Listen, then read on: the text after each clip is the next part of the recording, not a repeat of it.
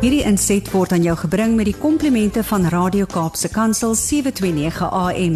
Besoek ons gerus by www.cape pulpit.co.za. We use a lady who knows how to tell a story or two. Her name is Zanti Swanepoel. She's an author, a motivational speaker. Ach, you know, she's a whole lot, lot, long list of things. But we just call her Zanti, and she's here with a story and a lot on her heart. And Zanti, goeiemôre. I've been really motivated by one of your pics on your social media of that warrior with that armor on, uh, praying, and that's really helped to set a tone for me of how I need to be acting this week. Amen, Brad. Sure. Yeah, there, there is no other way. I always say, um, yeah, just take it moeilijk. Sometimes there's battles you've got to fight, Yeah. and sometimes there's battles that are God's, and you stay on your knees and you just stay standing. Yeah. And the ones that are ours is the one God gives us control over. So He gives us the wisdom and the tools and the ways. But the ones we feel totally overwhelmed in is His battles. And I think what we're going through in our country today is is one of those times. Mm. But I want to start this morning. Jy's my sister. Baie interessant Brad, jy sê vanoggend vertel ek uh, of dan vertel 'n storie of twee. Ja, ja. En vanoggend is jy reg want ek gaan twee kort stories vertel, maar dit is baie belangrik want dit ek moet vir jou sê ek trek ook swaar by tye. Mm. Ek gaan heeltemal jok as ek sê ek is nie ook partykeer wat ek sê Here help net vir my en gee vir my wysheid en ek moet vir jou sê hierdie week in Gauteng is een van daai weke. Maar dan het ek twee skrifgedeeltes wat ek in my lewe aanhang en die een is Psalm 9 vers 10 because without his word we don't have life and we don't have courage and it says those who know your name trust in you for you Lord have never forsaken those who seek you. Wow, amen. Dit is nie awesome nie. Die Here sê if we know him and he knows us, he has never forsaken those who seek him.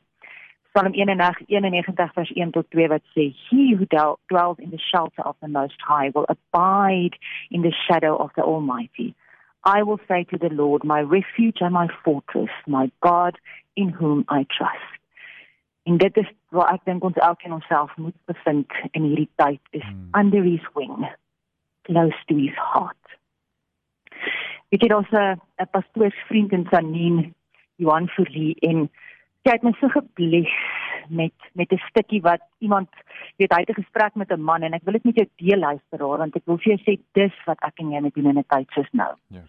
Hy sê die ander dag het ek 'n gesprek met 'n man wat letterlik met die sweet van sy aangesig sy brood verdien. Hande is hard en gevlek van jare se werk. Sy dies sy sy olie en diesel. Mm. Hy vertel my van lewe in hierdie uitdagende tye en ek vra hom toe, "Hoe hou jy aan ten spyte van al hierdie probleme en uitdagings?" Hy antwoord: "In die storms, my vriend, moet mens roei asof dit nie werk nie en bid asof roei nie werk nie." Is dit nie ongelooflik mooi nie? So raak gesê twee kante van 'n gelowige se muntstuk. Die een kant vertrou ons God en is erg afhanklik asof niks anders bestaan nie. En aan die ander kant werk ons voluit met al die talente, kennis en wysheid wat God ons gegee het. Ons roei asof dit nie werk nie en ons bid asof roei nie werk nie. So my raad aan elkeen van ons vandag terwyl hierdie storm in ons land boet, is roei en bid. Maar ek wil vandag vir jou los met 'n tweede verhaal van hoe ons bid en hoe ons perspektief hieroor kry. You see there once was a actor and he had a huge function at a beautiful hall somewhere in Los Angeles. And he had all his friends there and VIPs and very important people. And as they all were sitting in this beautiful venue, it was his birthday party, um, he said to them, okay, for you, because all of them said, but, but do something for us. You are so talented. You are so amazing. Do something. Recital something or something. So he said, okay, I will give you all a second and you think about something and then you will give it to me and I will rehearse it and then I, after dinner, before we eat pudding, I will then recital it to you. I will give it back to you in, in, in an amazing way.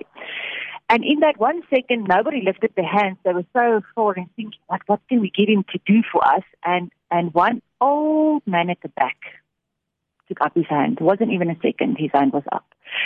And the actor looked at him and it was his very old pastor friend. Mm-hmm.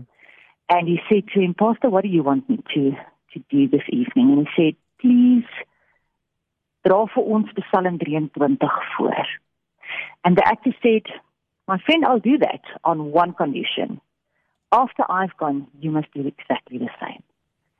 The pastor looked at him very funny, but he said, Okay, I agree. So while they were having dinner, the actor was rehearsing his piece, Psalm 23, and in the break between dinner and pudding, he stood up and with the most amazing voice, with the most beautiful inclinations on exactly the right places with a hard voice and a soft voice and a dramatical pause. He said, Psalm 23. And when he was finished, everybody was on their feet and they were clapping hands and he got a standing ovation. And when they went back onto their seats, he said to the old pastor at the back, he says, now it's your turn. Mm. And the pastor stood up and he said Psalm 23 from the heart. And when he was done, he did it in a very plain, nothing spectacular, soft voice. And nobody stood up and gave him a, a round of applause and a standing ovation. Mm. But there was no dry eye yeah. in that venue. And the actor looked at everybody there and he looked at the pastor and he said, Today you see the difference of a man like me knowing psalm. But an old pastor like him knowing the shepherd.